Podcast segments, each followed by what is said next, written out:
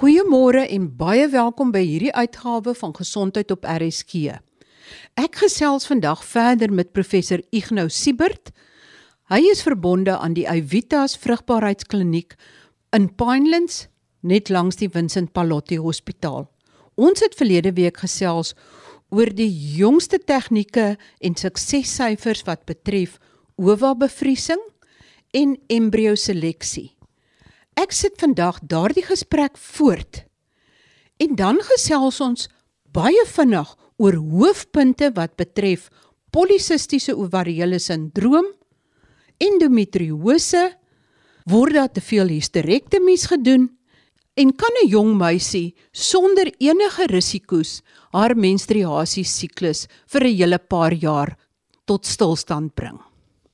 Maar eerstens rond ek net die gesprek af met professor Siebert oor die suksessyfers wat betref ova bevriesing en embrio seleksie wat nou met kunsmatige intelligensie verder gehelp word. Wat is die huidige goeie suksessyfer van embrio seleksie tot by swangerskap?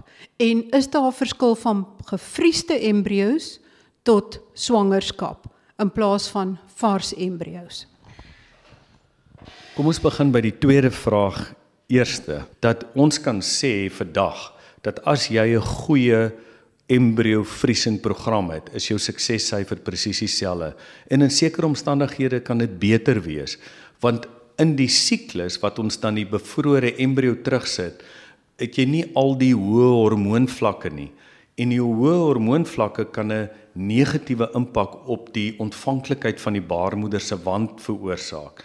So in sekere omstandighede sal 'n mens dan gaan en in elk geval al die embrio's vries met 'n baie goeie suksessyfer en soos ek en ek wil dit beklemtoon, baie keer beter. En as 'n mens dan sekere internasionale riglyne sal byvoorbeeld sê maar freeze all of vries alle embrio's is baie keer beter as vars. By ons onomwonde um, bevrore embrio's glad nie 'n slegter uitkoms as 'n vars embrio nie. Maar dan moet jou jou program en jou embrio vriesing program spesifiek moet dan optimaal wees. Die eerste vraag is wat is die suksessyfer? En ongelukkig bly die suksessyfer afhanklik van ouderdom. So as ons 'n 20-jarige vrou het, is die kans 55 tot 60% om swanger te word. So as ek 'n jong eier gebruik, al is ek 40 of 45, maak dit 'n 20-jarige eiertjie wat ek gebruik, is my kans 55 tot 60. Maar as ek 40 is en ek gebruik my eie eiers, is my kans so 20% om swanger te word. Nou eintlik ek ken nou al hoe jou kop werk, maar eintlik is jou vraag wat jy vir my sê, maar met al hierdie toetse wat jy doen, kan jy die 40-jarige vrou se kanse beter maak met 'n beter embrio seleksie. So wat ons weet vandag, as 'n mens 'n 40-jarige vrou se embrio's toets geneties, daai voorimplantings-toetse en dis 'n normale embrio, dan's haar kans presies dieselfde as die vrou met 'n normale embrio op 20. So dit gaan alles oor die normaliteit van die embrio en dis waar ons glo die kunsmatige intelligensie vir ons 'n baie belangrike rol gaan speel vir al in die ouer vrou om dan die regte embrio te kies om vir haar beter suksessyfers te gee.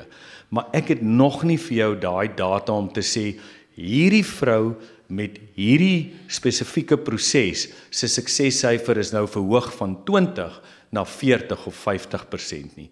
Maar kan sê dat as ek 40 jaar oud is en ek het 'n normale embrio wat teruggaan, is my kans ook 55 tot 60% om swanger te wees. Is ek reg as ek sê met ander woorde as 'n jong meisie op 24 eiertjies vries en sy wil eers op 38 'n baba hê.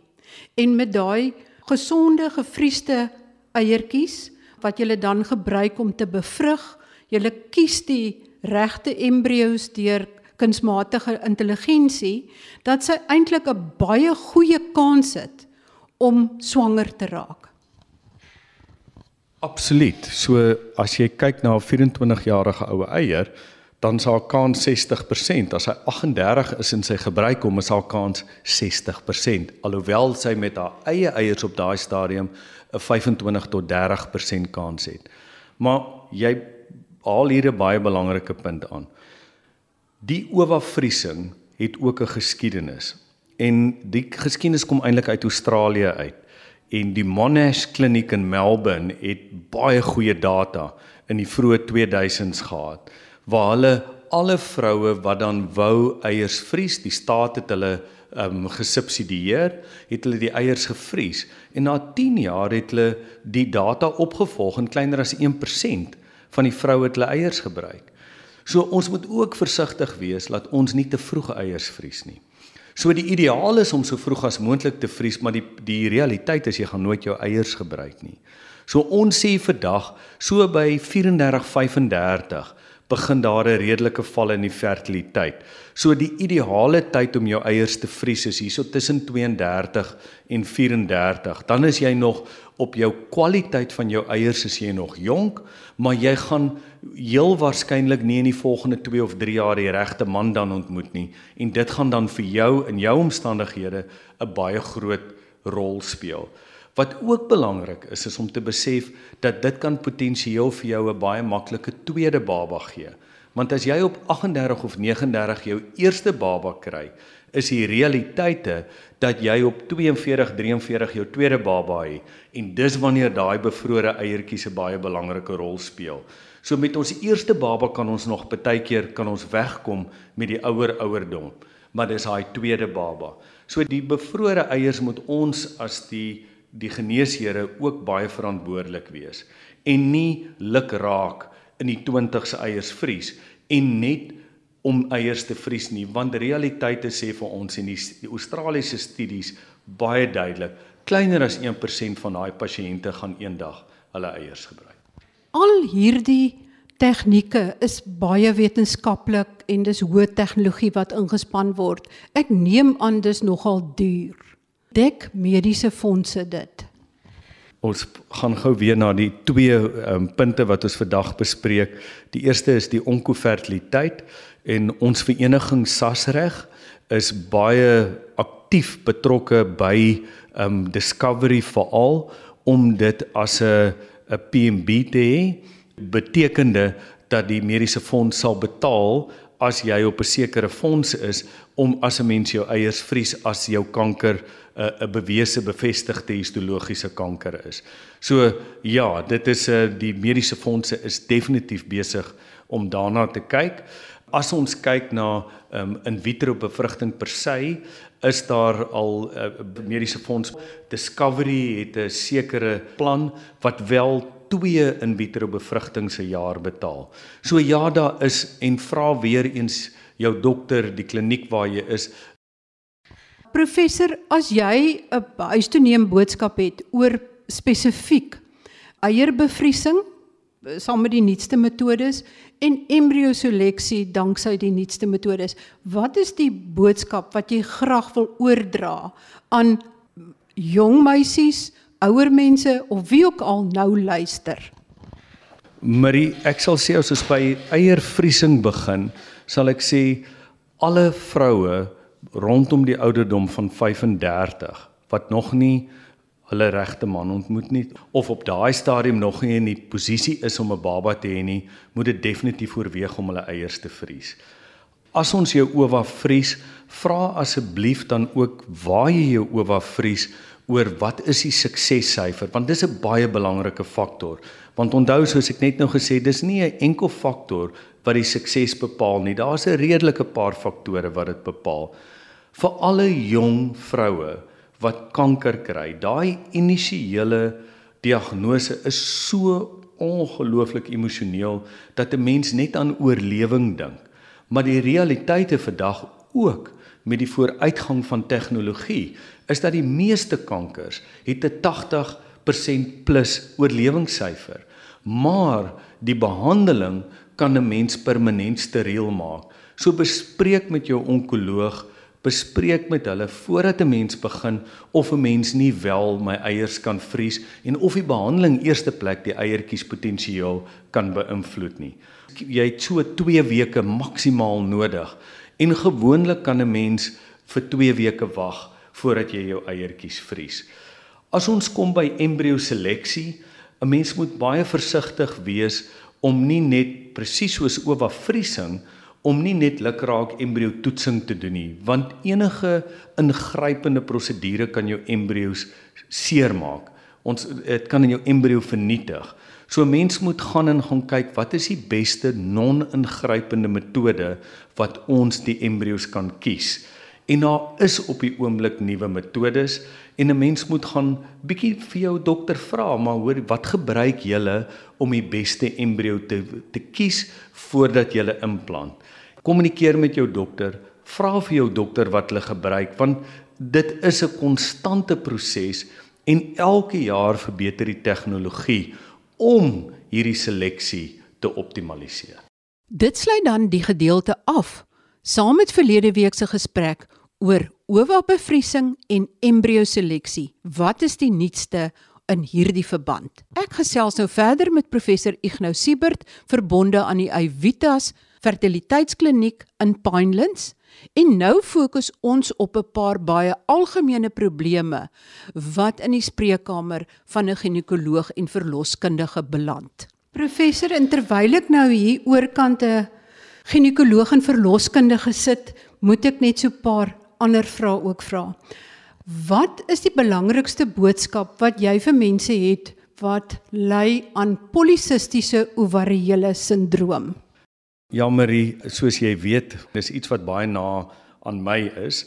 Dis ook die onderwerp waarop ek my doktoraal gedoen het. En soos ons vandag na 20 jaar daarna kyk, bly die boodskap baie duidelik is maak 'n vroeë regte diagnose. En as ek die regte diagnose sê, is dit is nie iemand wat oorgewig is en wat akne het nie. Daar is drie faktore en jy moet weet hoe word die diagnose van polisistiese ovarie gemaak. En dan as jy daai diagnose vroeg en reg doen, is om die regte dieetprogram medikasie te gebruik, want gewig bly die enkel bepalende faktor hoe jy toe jou reproduktiewe loopbaan gaan voltooi. En as 'n mens vroeg dit kan aanspreek by die regte mense met die regte dieete, dan glo ek gaan ons wen. So die drie faktore van polisistiese ovarie is ek ovuleer nie of ek ovuleer nie gereeld nie. Die tweede een is die diagnose van die polisistiese ovarie en onthou jy het net een eierstokkie nodig En met die nuwe goeie tegnologie kom tegnologie weer in, het hierdie diagnose verander. So dis nie net 'n jong meisie met 'n klomp potensiële eiertjies nie, maar daar's 'n spesifieke kriteria waar volgens dit is. En dit moet jy kan gaan lees daarop, dis die Adams kriteria. So dis die polisistiese ovarie ovuleer min of ongereeld en derde is dan dat ek abnormale manlike haargroei het of ek het dit klinies of ek het dit biochemies menende in my bloedvlakke is daar hoë manlike hormoon teenwoordig.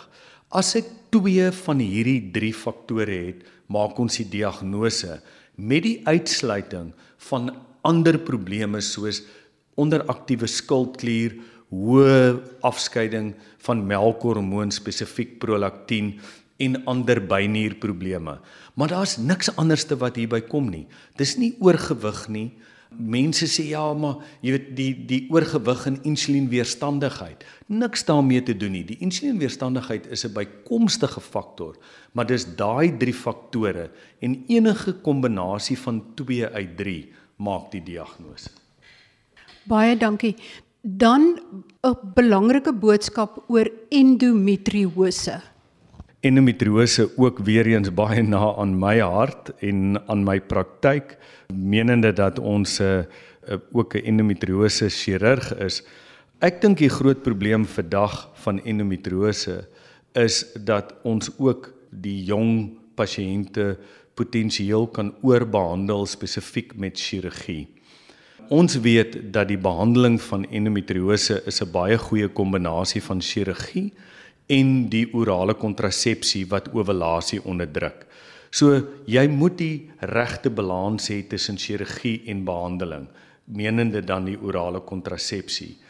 Die ander belangrike punt is en ek het dit hoeveel keer in vorige besprekings gesê, as jy 'n tweede keer geopereer word, moet jy weet hoekom en dan moet jy ook heel moontlike tweede opinie vra. Ons kry so baie jong 28-jarige dames wat al 7 keer geopereer is vir endometriose. En dan vra jy, is jy op die pil en die pasiënt is nooit op die pil geplaas nie. En as 'n mens die pasiënt goeie inligting gee, dan verstaan hulle wat die belang is, want onthou endometriose in die beste hande is jou herhalingssyfer 20 tot 50% oor 'n periode van 5 jaar. So 50% van jong dames wat geopereer is, gaan nie weer probleme hê nie, maar 50% die helfte gaan weer potensieel herhaling hê en ons moet daai herhaling so goed as moontlik probeer verminder. My laaste ding oor endometriose is ek dink dis 'n groep van pasiënte waaroor ek so baie simpatie het. As ons die pasiënte opereer en jy sien hierdie hierdie buik wat totaal en al verkleur is van die warmwaterbottel wat die as gevolg van die hitte die brandeffek op die buik het, dan besef 'n mens net die probleem wat hierdie wat hierdie pasiënt het. So die vir my is die boodskap kom by die regte dokter uit, wees gemaklik, vra die vrae en moenie onnodig herhaaldelik geopereer word nie. Word hysterektomies te maklik, te vinnig, te veel gedoen? Sjoe, ja, ek beweeg nou so bietjie na 'n ander gebied, na die meer algemene ginekologie gebied in ons praktyk waar ons met erge endometriose sit. Wat baie interessant is, die mense of die pasiënte het 'n baie nou verwantskap die endometriose met adenomiose. En adenomiose is wanneer die endometriose in die spier sit soos my praktyk nou verloop het van in die afgelope 20 jaar het ek 20 jaar gelede die jong 30-jarige vrou gesien met endometriose wat wil swanger word. En 'n groot groep van daai pasiënte is nou vroeë 50s, laat 50s met hierdie adenomyotiese uterusse en alles is verkleef in daai geval met kroniese bekkenpyn is 'n hysterektomie aangedui in die ouer pasiënt met veelvuldige miome en haar gesin is voltooi is 'n hysterektomie aangedui. Maar vir abnormale bloeding byvoorbeeld Marie, weet histories met oop hysterektomies is die patologie was 'n groot persentasie was normaal en die indikasie was net abnormale bloeding. Nou ons sit vandag in 'n wêreld waar weer eens tegnologie van so 'n aard verander het. Weet, ons as ons net kyk vir abnormale bloeding, dan kan 'n mens 'n Mirena insit. As 'n mens nie hormone wil doen nie, kan jy die binnewand van die baarmoeder gaan brand. Ons kan 'n ablasie doen. As die uterus se anatomie normaal is. So ja, ek dink 'n mens moet versigtig wees net om 'n hysterektomie te doen vir iets byvoorbeeld soos abnormale bloeding voordat 'n mens nie gaan ondersoek het hoekom bloei ek abnormaal nie en is daar nie vir my 'n alternatief nie. Ook vir die groot mematese uterus verwys ek na 'n radioloog by Grote Skuur Gary Soetwoords waar hy dan nou ek dink hy's by verre die ou wat die meeste uteriene arterie embolisasies doen vir mematese uterusse in die pasiënt wie se gesin voltooi is. So daar is definitief alternatiewe vir dag vir die pasiënt die regte indikasie soos ek nou net genoem het eerder as om dan deur 'n formele hysterektomie te gaan. Dan 'n baie interessante vraag wat ek van 'n 20-jarige meisie gekry het. Sy vra: "Hoekom kan alle meisies nie behandeling kry sodat hulle glad nie menstrueer tot hulle omtrent 25 is of wanneer hulle wil begin met kinders nie, want dit is dan so lastig as hulle wil sport doen of by die skool is en kinders in agtergeblewe gebiede en doekies wat nie beskikbaar is nie ensovoorts. Kan so iets enigsins oorweeg word of is daar te veel neeweffekte? Om die menstruasieproses heeltemal te blok? Ja, interessante vraag. Ons moet onthou dat 'n menstruasie gebeur gewoonlik as 'n mens ovuleer. So as ons kan ovulasie blok met sekere medikasie, dan sal ons menstruasie blok. Een van die oudste kontrasepsies in die ronde is die Depo-Provera inspuiting. So dis hoekom ons dit gebruik het, want dit blok jou ovulasie en dit stop ook jou menstruasie. Maar ongelukkig dis van die oudste progesteroon alleen bevattende produkte het dit baie neeweffekte. Ons gebruik dit nog baie in die staat. Ek het ook nog pasiënte in privaat praktyk wat dit dan die enigste alternatief is. So ja, daar is nie 'n probleem om nie te menstrueer nie. Want as jy nie ovuleer nie, dan is jou baarmoeder wandin. So as die baarmoeder wandin is, is daar nie 'n risiko dat dit kan opbou en kanker veroorsaak nie. So die depo inspuiting is 'n goeie alternatief. Die Mirena soos ek nou genoem het, is 'n goeie alternatief en die gewone pil kan 'n mens ook die onaktiewe pil net skiep. Jy kan dit net los. So as jy dan nou kom by jou laaste 7 of 5 onaktiewe die suikerpilletjies, dan gooi jy die pakkie weg en jy begin dadelik met die aktiewe pakkie. En op daai manier kan jy reguleer wanneer jy wil en wanneer jy nie wil menstrueer nie. So ek dink is 'n verskriklike belangrike vraag wat jy vra dat ons kan ewen met die gewone pil reguleer dat ek op sekere tye nie menstrueer nie en die eenvoudige manier is om net dan soos ek wil my menstruasie bepaal net my suikerpilletjies weggooi en dan net met die volgende aktiewe pilletjie begin. Hou dit enige gevare in? Is daar dalk 'n probleem dat 'n mens dan moeiliker weer begin ovuleer? Is daar enige risiko's? Nee, dit het geen geen gevare nie. Die enigste probleem met die depo inspuitings is dit gaan deur die lewer en dit kan partykeer 2 of 3 maande vat voordat ek weer normale siklusse het. Met die gewone orale kontrasepsie gaan 'n mens dadelik weer in 'n normale siklus as jy dit stop. Met die Mirena, as ons die Mirena uithaal, oombliklik begin jy weer met 'n normale siklus. So ek weet dis 'n mite, 'n algemene mite dat as 'n mens nie menstrueer nie, kan dit of my fertiliteit toekomstig beïnvloed of ek verloor eiertjies of ek het 'n hoë risiko vir kanker, maar dis werklik nie so nie. So ons kan beheer wanneer jy nie wil menstrueer nie. Is daar enigsins 'n risiko dat jy dan later in jou lewe osteoporose kan ontwikkel as jy 'n progesteroon tipe kontrasepsie gebruik? In die jong meisie, dis daar goeie data dat as 14-15 jarige depo gebruik, wil ons sê jy moet dit langer as 4 tot 5 jaar gebruik nie. Die rede daarvoor is jou estrogen vlakke word baie laag en dan het jy 'n risiko vir osteoporose. Wat baie interessant is, is ook met Visan, so dis die nuwe endometriose pil, is ook 'n progesteroon alleen pil. Sy aktiewe bestanddeel is Dynogest. En die eerste studies wat uitgekom het het gesê jy moenie Visan langer as 6 maande gebruik nie. Dan kry jy neeweffekte. En ek sal nou sê die neeweffek. Toe kom dit 3 jaar, toe sit 5 jaar en nou is dit 8 jaar. Die probleem met die progesteroon alleenpil is ook met die Visan nie so seer osteoporose nie, maar osteopenie. So dis nie die patologiese verbrokkeling nie, maar dit is die verdunning. En wat interessant is dat as jy die pil vir 6 maande stop, wys die data, dan het jy weer 'n 'n vervanging en 'n vernuwing van daai been en jy kan weer met die Visan begin. So dis 'n baie belangrike vraag wat jy vra. So in die jong meisie met Wesaan sal ons nie baie langer as 8 jaar nie. Wat ek doen byvoorbeeld as ons iemand het wat op Wesaan is, glad nie menstrueer nie en baie mare is, want as hulle mare is, is daar nie vetweefsel waarin jy wel estrogen produksie kry nie.